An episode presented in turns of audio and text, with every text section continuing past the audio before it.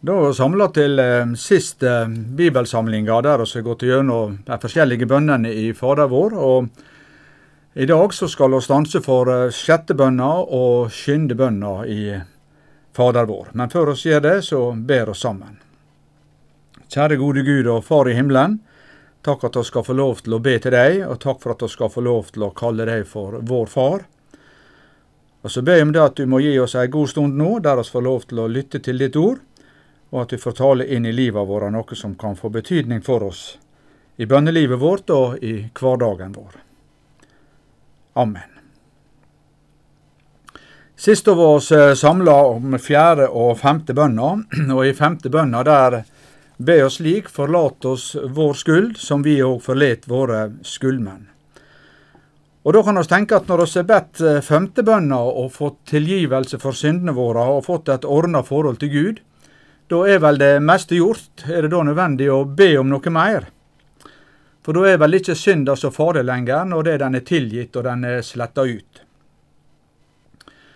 Eh, da er det slik at Bibelen sier noe om livet etter oss har fått møte Jesus og fått synda vår tilgitt. Og I Romerbrevet kapittel 6 og de to første versene der skriver Paulus slik. Hva skal vi da seie? Skal vi halde fram i synda, så nåden kan verte så mykje større? Langt ifrå, vi som er døde fra synda, korleis skulle vi enno leve i synda? Jeg tenker at eh, det er mange som bruker Guds nåde og tilgivelse som sovemedisin. Med det mener jeg at eh, når synda er tilgitt og han får nåde hos Gud, da er det ikke så nøye med livet. Da kan jeg på en måte gjøre det som jeg vil, og Gud han er ikke så nøyeregnende da. Men det er å ringeakte Guds nåde og ringeakte frelsesverket hans. Den femte og den sjette bønna den hører uløselig sammen. Forlat oss vår skyld, og før oss ikke ut i freisting. Har jeg fått tilgivelse for syndene mine, så må det vonde ikke igjen få makta over meg. Siktet vårt når vi ber slik, det er dette at jeg vil ikke synde igjen. Og derfor så har Jesus lært oss å be denne bønna. Før oss ikke ut i freisting. Det gjelder å bli bevart hos Jesus, hos Gud. Det gjelder å bli bevart i nåden, og ikke komme bort ifra den. Og skal lese to-tre vers fra 1. Peters brev, kapittel 1. Og Først skal vi lese det 17. verset. og Der står det sånn. Når det påkaller som far, han som dømer uten å gjøre skil, hver og ein etter gjerningene hans, færast da i age den tid det lever i utlegd. Og Her bruker Peter uttrykket far, sånn som oss ber i Vår Far eller Fader vår. Når oss påkaller Han og ber til Han, da skal oss færast i age, står det her i min oversettelse, i Guds frykt, den tida oss lever som utlendinger her på jord. Det er noe som ligger over en kristen, at eh, jeg skal frykte Gud, jeg skal være redd for å komme bort ifra Han. Og så skriver Peter de to neste versene i vers 18 og 19 i kapittel 1. For jeg veit at det var ikke med noe forgjengelig, med sølv eller gull, det var kjøpte fri fra den dårlige ferda som var arva fra fedrene men med Kristi dyre blod, som blod av et ulastande og lyteløst lam. Her minner Peter om prisen som ble gitt da Jesus ga blodet sitt, og han ga livet sitt for å kjøpe oss fri. Her ligger frelse, og her er evangeliet. Her er alt ferdig for oss, og det er ei gave som er fær, og så dyrt kjøpte. Og så er det denne sammenhengen det står at når oss påkaller Gud, da skal oss færast med Guds frykt, i age, den tida oss lever her på jord, før oss når målet heime i himmelen. For det er nemlig noen fristelser, synda ligger der og lurer etter oss. Sjøl om oss er tilgitt og har fått den sletta ut, så ligger det så nært for oss å bli frista til å gjøre det som er Gud imot. Før oss ikke ut i freisting, ber oss i denne sjette bønna. Det er litt sånn merkelig uttrykk, da. Og i 2011-oversettelsen så er det oversatt slik Lat oss ikke komme i freisting. Det kan virke å være litt sånn eh, lettere å komme til rette med. Men det ligger ei spenning i dette her. har Gud noe med fristelsen å gjøre? Før oss ikke ut i freisting, la oss ikke komme i freisting. Eh, fristelse, det kan også betyr prøve, og det er samme ordet på grunnspråket som er brukt. Fristelse og prøve. Og så er det ofte sammenhengen som avgjør hvordan det blir oversett. Og Gud han kan sette oss på prøve. Og det gjør han med alle sine barn, og jeg tror han gjør det for å knytte oss nærmere seg. Men når Gud prøver et menneske, lar ting komme i livet som gjør at det blir trykk på oss, så har det alltid en risiko det kan føre til at mennesker vender han ryggen, men så kan det også føre det som det er tenkt til, at oss klynger oss til Far i himmelen, ber til Han, roper til Han, blir enda mer avhengig av Han. Så Gud han kan sette på prøve, men Gud han frister ingen. Det gjør ikke han. Fristelsen kommer aldri fra Gud. Og det kan oss eh, sie med belegg i Bibelen vår, i Guds ord. I Jakobs brev kapittel 1 og vers 13 og 14 står det sånn. Ingen som vert freista må seie det er Gud som freistar meg.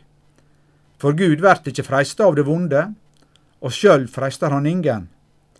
Men kvar den som vert freista, vert dregen og lokka av si eiga lyst. Så Gud han fristar ingen. Og samtidig så går det kanskje an å tenke slik og seie det at han har en finger med i alt som skjer i livet til et Guds barn. Det kan det sies mye om, og det kan høres ut som en paradoks, men det skal ikke si mer om nå. Gud han har med alt å gjøre, men han frister ingen. Og så har Jesus gitt denne bønna dette merkelige uttrykket 'før oss ikke ut i freisting', eller 'la oss ikke komme i freisting'. Han har gitt oss gitt denne bønna dette uttrykket som jeg gjør at vi for det første skal være klar over det at blir oss overlatt til fristelsen og til fristeren, den vonde, da er det faktisk ute med oss. For oss har ikke de ressursene og de kreftene som skal til i oss sjøl for å stå imot det. Og det andre jeg tenker på når Jesus har gitt bønna dette uttrykket, det er at den som vender Gud ryggen, ikke vil lytte til Hans ord, ikke vil la seg lede av Han, den overgir Gud til fristelse og til synd og all elendighet. Det taler Bibelen om noen plasser, også i Det nye testamentet. Og i andre Tessalonika-brev, kapittel 2, og vers 10-11, står det på denne måten. Tatt litt ut av sammenhengen, da, men saka blir klar likevel. Det går føre seg med all slags urettferd i forføring mellom de som går fortapt, av de de ikkje tok imot kjærleiken til sanninga, så de kunne verte frelste. Difor sender Gud ei kraftig villfaring, så de trur lygna. Det er et litt merkelig ord, men de tok ikkje imot kjærleik til sanninga, til det som Gud ville legge dem inn på hjertet, inn i livet. Og da sender han dem ei kraftig villfaring, slik at de trur lygna. Dette leser oss om i Det gamle testamentet også, hvordan Gud på en måte eh, overga mennesket, slik at det førte til forherdelse, der de på en måte vendte han ryggen. I profeten Jesaja og kapittel 64 over 6 står også et litt eh, eh, underlig vers som peker inn i Fader vår-bønna. Og det er ingen som kaller på navnet ditt, altså det som er første ledd i Fader vår, latt navnet ditt helgast. Det er ingen som kaller på navnet ditt, ingen som manner seg opp til å holde fast ved deg. For du har løgnt åsynet ditt for oss og gjeve oss våre synder i valg til å tæres bort. Slik står det altså om mennesker som ikke kaller på Gud, og som ikke bryr seg om navnet hans, og som vender seg bort ifra det han sier. Han løgner åsynet sitt, og så gir han våre synder i vald til at herres bort, står han. Overgi mennesket der de ikke lytter til hans ord, og der de vender seg bort ifra han. Og det tror jeg ligger innebakt i denne formuleringa, la oss ikke komme i freisting, før oss ikke ut i freisting. Der oss vender oss bort ifra Gud, der slipper han på en måte taket. Det er ikke han som frister, men han slipper taket, og mennesket blir overgitt til seg sjøl, og det er en veldig farlig situasjon å være kommet i. Før oss ikke ut i freisting. Vi bruker Martin Luthers lille katekisme i dag også, og forklaringa hans til denne bønna med disse enkle orda. Vi ber at Gud må verje oss og hjelpe oss, så ikke djevelen, verda og vårt eget kjøtt får lokke oss til vantru, vonløys og andre synder, men at vi må vinne siger og holde fast på sigeren. Her peker Martin Luther på tre kjelder der freistinga kjem ifrå. Det er djevelen, verda og vårt eget kjøtt. Konsist og kontant på en måte fortalte. fortalt. Djevelen, verda og vårt eget kjøtt lokker oss til vantru, vonløys og andre synder. Og Dette er sterke krefter, og de står i forbindelse med hverandre.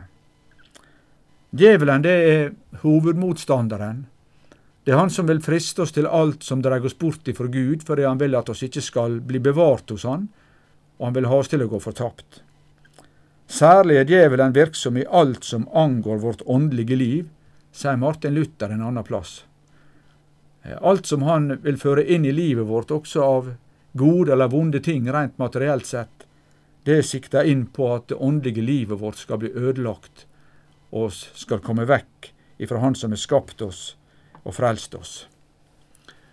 Så står det om verda som ei av disse kjeldene som freister til synd. Og da tenker vi ikke på verda som eh, skaperverk i og for seg, fjell og fjord og tre og natur og alt som er fint og flott. Men Bibelen bruker i denne sammenhengen verda som uttrykk for det som står Gud imot, det som er gudfiendsk. Eh, der menneskeslekta som er falt ifrå han og lever i motstand mot han. Herifrå kjem fristelsene til synd og til å stå Gud imot. I eh, første Johannes brev og um, vers 5, eh, kapittel 5 og vers 19 står dette voldsomt kontrastfylte bibelverset. Vi veit at vi er av Gud, men heile verda ligger i det vonde. Jeg vet ikke om du kan tenke deg noen større kontrast enn det. Oss er av Gud, oss som er Guds barn, men heile verda ligger i det vonde. Så strekker den armene sine ut etter oss hver dag, og vil friste oss til det som dreg oss vekk ifra Gud og bort ifra fellesskapet med Han.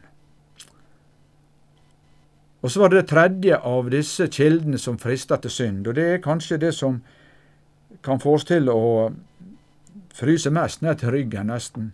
Det er vårt eget kjøtt, det gamle mennesket, den gamle naturen i oss, som er alliert egentlig både med verden og med djevelen. Og så las de fra Jakobs brev for noen minutter siden, kapittel 1. Jeg må finne det fram at det blir litt blafring i bladet her. Um, Jakobs brev, kapittel 1. Men hver den som vert freista, vert dregen og lokka av si egen lyst. Det er altså ei kjelde til fristelse inne i vårt eget liv, inne i vårt eget hjerte, som vil drage oss til det som er Gud imot. Og når vi ser på disse tre kjeldene til fristelse, djevelen, verda og vårt eget kjøtt, ja, da blir det veldig klart for oss, og behovet våkner hos oss til å be denne bønna til Gud, før oss ikke ut i freisting. La oss ikke komme i freisting. Og så tenker jeg at oss alle sammen veit hva fristelse er for noe. Fristelse til synd. Du har kjempa med det, jeg har kjempa med det. Eh, kanskje hver eneste dag, mer eller mindre. Eh, det som vil drage oss vekk, og som vil at vi skal gjøre Gud imot. Og så kjempe oss med dette at jeg, jeg, må velge rett. De må ikke få makta over meg. Og Så stiller mange spørsmålet hvordan kan jeg vinne seier i fristelse? Eh, hva kan jeg gjøre for å vinne over disse kreftene? To ting jeg vil si om det. For det første, det at jeg og du må erkjenne dette. Og det er egentlig forferdelig. Du har ikke sjøl makt over fristelsene. Du mangler de ressursene som skal til for å seire i fristelse i eget liv. Kanskje går det kaldt gjennom deg når du hører det. Det virker så håpløst og så hjelpeløst, hva da? Men sannheten er at før at oss innrømmer det, at de sjøl ikke har makt over fristelsene, for det kan oss heller ikke få hjelp til å seire i fristelse. Og da er det det andre jeg vil peke på, og da skal vi dele et lite bibelvers sammen ifra andre brevet til Timoteus, i kapittel 2 vers 1. Der skriver Paulus til den unge Timoteus, medarbeideren sin,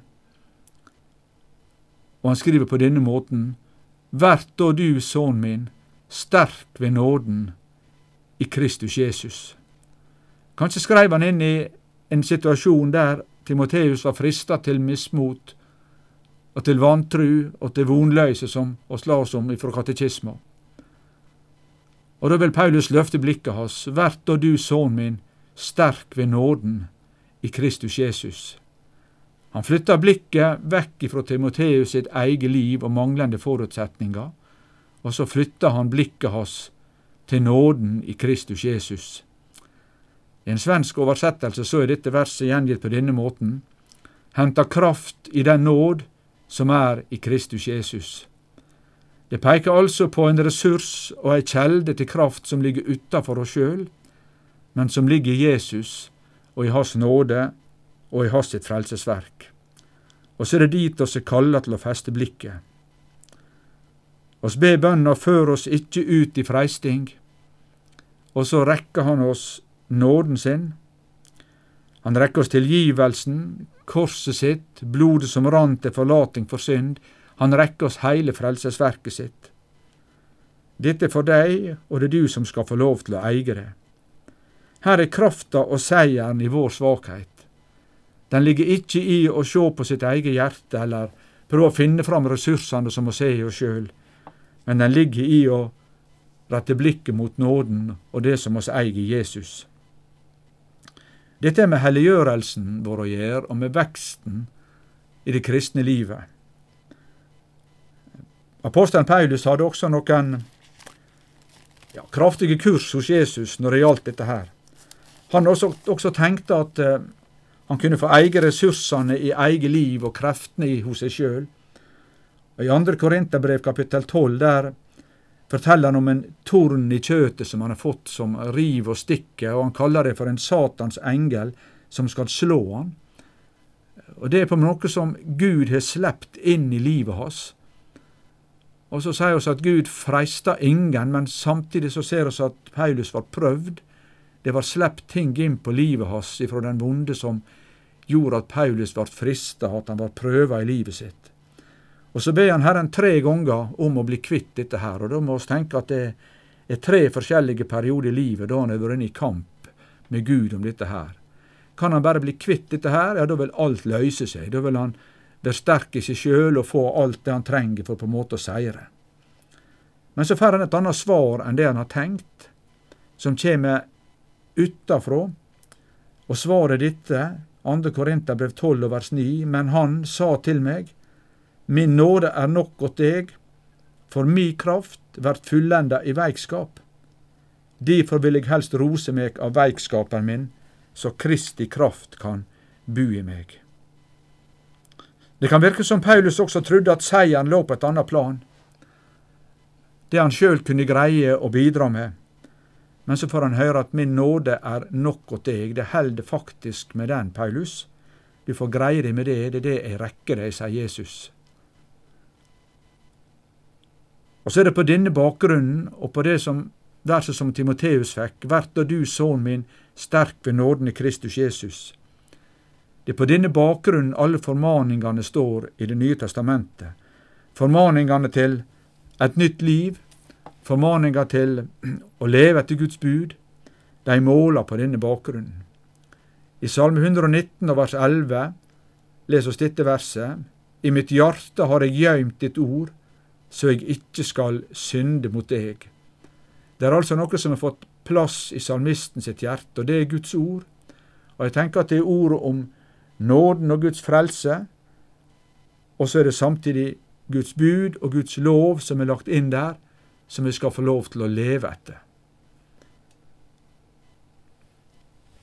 I Lukasevangeliet, og det er snart påske, tenker jeg, i Lukasevangeliet kapittel 22 og vers 31-33, der leser oss noen ord som Jesus sa til Simon Peter.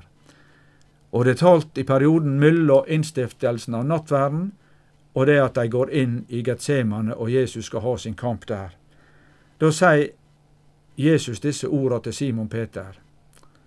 Simon, Simon, sjå, Satan kravde å få dykk i si makt for å sikte dykk som kveite. Men eg bad for deg at trua di ikkje måtte svikte.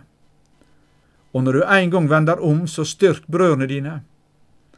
Men Peter sa til han, Herre, med deg er eg reie til å gå både i fengsel og i døden. Og Det merkelige er at Jesus ba ikke om at Peter måtte slippe prøven, at han måtte slippe fristelsen, men han ba om at Peters tru ikke måtte svikte når prøva kom og fristelsen kom. Jesus frista ingen, Gud frista ingen, men likevel så tillater han at sjå, Satan kravde å få dykk si makt for å sikte dykk som kveite.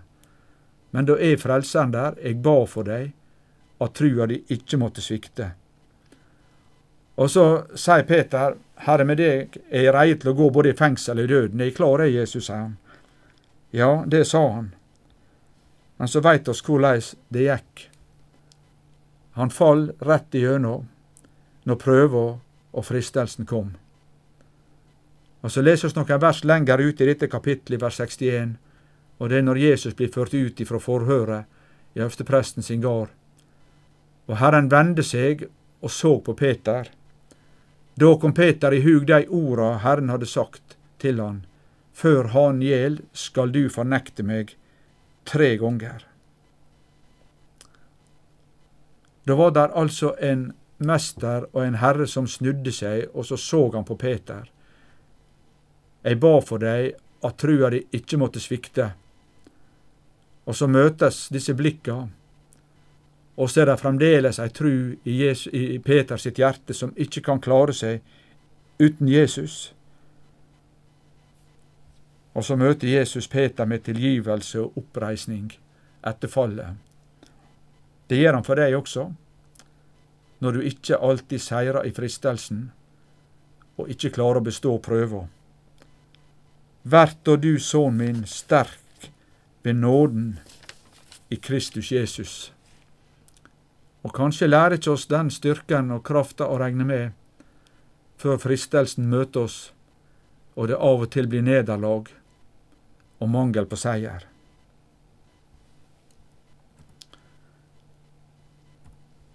Siste bønna i Fader vår, den lyder sånn og står i forlengelsen av den forrige. Men frels oss fra det vonde. Og disse to ledda hører nøye sammen. Før oss ikke ut i freisting, men frels oss fra det vonde.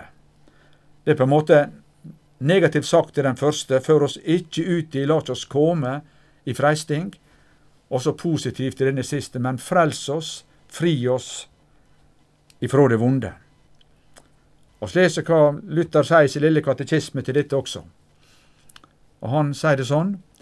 Vi ber her at vår Far i himmelen vil frelse oss fra alt vondt, både på sjel og lekam.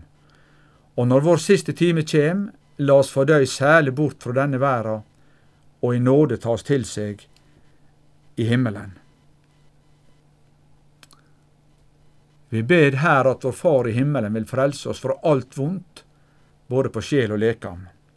Hva er det vonde for noe? Hva er det det sikter på her? Jeg, Luther sier alt vondt både på sjel og på lekam. Og da tenker han på alt vondt og vanskelig som kan møte oss her i livet, av prøvelser, trengsel og vansker. Han ber om at oss må bli fridd oss, fri, Gud vil fri oss ifra det og frelse oss ifra det. Og så tenker han også på vårt åndelige liv, at han må frelse oss ifra alt det som vil ødelegge sjelslivet vårt og forholdet vårt til Gud. Og kanskje er det særlig sikta på det, fordi det står i forbindelse med dette før oss ikke ut i freisting til synd, men frels oss fra det vonde. Det sikter på det som vil ødelegge vårt åndelige liv, alt som kan dra oss bort ifra Gud. Men frels oss fra det vonde. Hvem er det oss ber til når oss ber? Ja, oss, er, må ikke glemme det når oss helper i Fader vår, at oss ber til Far i himmelen. Han som oss får lov til å kalle vår gode Far, som er Gud, og som er allmektig. Og så er det bare én som kan frelse oss fra det vonde, og det er Gud. Det er bare Han. I profeten Jesaja kapittel 43 og vers 11, der sier Gud, Eg, eg er Herren, og uten meg er det ingen frelser.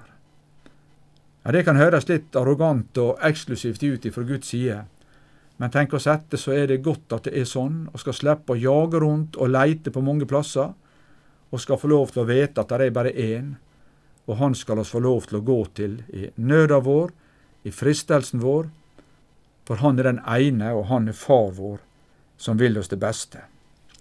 Han har gitt oss et løfte i Salme 50, og vers 15. Og kall på meg den dagen du er i naud, så vil eg fri deg ut, og du skal prise meg. Det gjelder all jordisk nød, og det gjelder også fristelser til synd og åndelig forfall. Da også skal oss få lov til å rope til Han, og Han er lova å prise oss, og så skal det løse ut lovsang. Han er lova å høre oss og fri oss ut, og så skal det føre til lovsang og at oss priser navnet hans. Og så er han lova å svare oss og gripe inn i livet vårt. Og kanskje gjør han det ofte slik som oss leser i Romerbrevet kapittel 8 vers 28. For vi veit at alle ting verkar saman til det gode for dei som elskar Gud, dei som etter Hans råd er kalla. Alle ting må virke sammen til det gode for dei som elskar Gud også det som i utgangspunktet var negativt og kanskje sjølforskyldt. Og las for noen minutter siden om Peter, ikke sant? Fallet hans i øverstepresten sin gard. Han skulle ikke ha gjort det, det var ikke etter Guds vilje. Eh, Fristelsen kom ikke fra Gud, men Peter falt. Men så brukte Jesus det, så brukte Gud det til det gode i Paulus sitt liv, og det er blitt til velsignelse for alle oss som har fått lest om det og hørt om det i ettertid. Det måtte tjene Guds sak og Peters sitt åndelige liv i djupeste forstand, også det som i utgangspunktet var negativt. Frels oss fra det vonde. Vår siste fiende, det er døden. Også da vil Gud være der og frelse oss og fri oss. Jeg syns den er så fin, denne formuleringa til Luther i katekismo, og når vår siste time kjem, la oss fordøy særlig bort ifra denne verda, og i nåde ta oss til seg i himmelen. Det er ei bønn om at Far i himmelen må føre oss gjennom døden, og frelst inn i himmelen til seg. Paulus han skriver like før han veit at han skal dø, i 2. Timoteus brev 4 og vers 18. Herren skal fri meg fra all vond gjerning og frelse meg inn i himmelriket sitt. Må Han få ære i all eve. Amen. Og det sier han for det, midt i det at han veit at han er sverdet hengende over halsen sin. Han forstår at nå går det mot dødsdom og mot eksekvering av den. Men så veit han at i samme øyeblikk som sverdet skal skille hodet hans ifra kroppen, så blir han ført rett inn i himmelriket, rett inn til fellesskap med Jesus. Da tar Gud hand om han, der og da. Jeg syns det er stort og sterkt å tenke på akkurat det. Han skal fri meg fra all vond gjerning, også det han blir utsatt for ifra mennesket i dødens øyeblikk, og så skal han frelse meg inn i himmelriket sitt. Og så skriver han også noen andre vers der i 2. Timoteus brev, kapittel 4 og vers 7-8. Eg har stridd den gode striden, fullenda løpet og holder fast på trua. Så ligg nå rettferdskransen ferdig for meg, den som Herren, den rettferdige dommeren, skal gi meg på den dagen. Ja, ikkje bare meg, men alle som har elska Hans komme. Så summeres opp litt helt til slutt i dag om de tre siste bønnene i Fader vår. Fire siste bønnene i Fader vår. Gi oss i dag vårt daglige brød. I den bønna der blir alle våre legemlige behov fylte ifra Far i himmelen. Frir oss fra alle bekymringer. Og forlat oss vår skuld. Når Gud svarer på den bønna, får oss del i frelsa hans og et ordna forhold til Gud. Og før oss ikke ut i freisting, men frels oss fra det vonde. I denne bønna så vil Gud bevare oss i trua og lede oss slik at oss når målet heime hos Gud til slutt. Oss ber sammen. Fader vår, du som er i himmelen. Lat navnet ditt helgast, lat riket ditt komme. Lat viljen din råde på jorda så som i himmelen. Gjev oss i dag vårt daglige brød, og forlat oss vår skuld, som vi òg forlet våre skuldmenn. Og før oss ikkje ut i freisting, men frels oss fra det vonde. For riket er ditt, og makta og æra i all eve. Amen.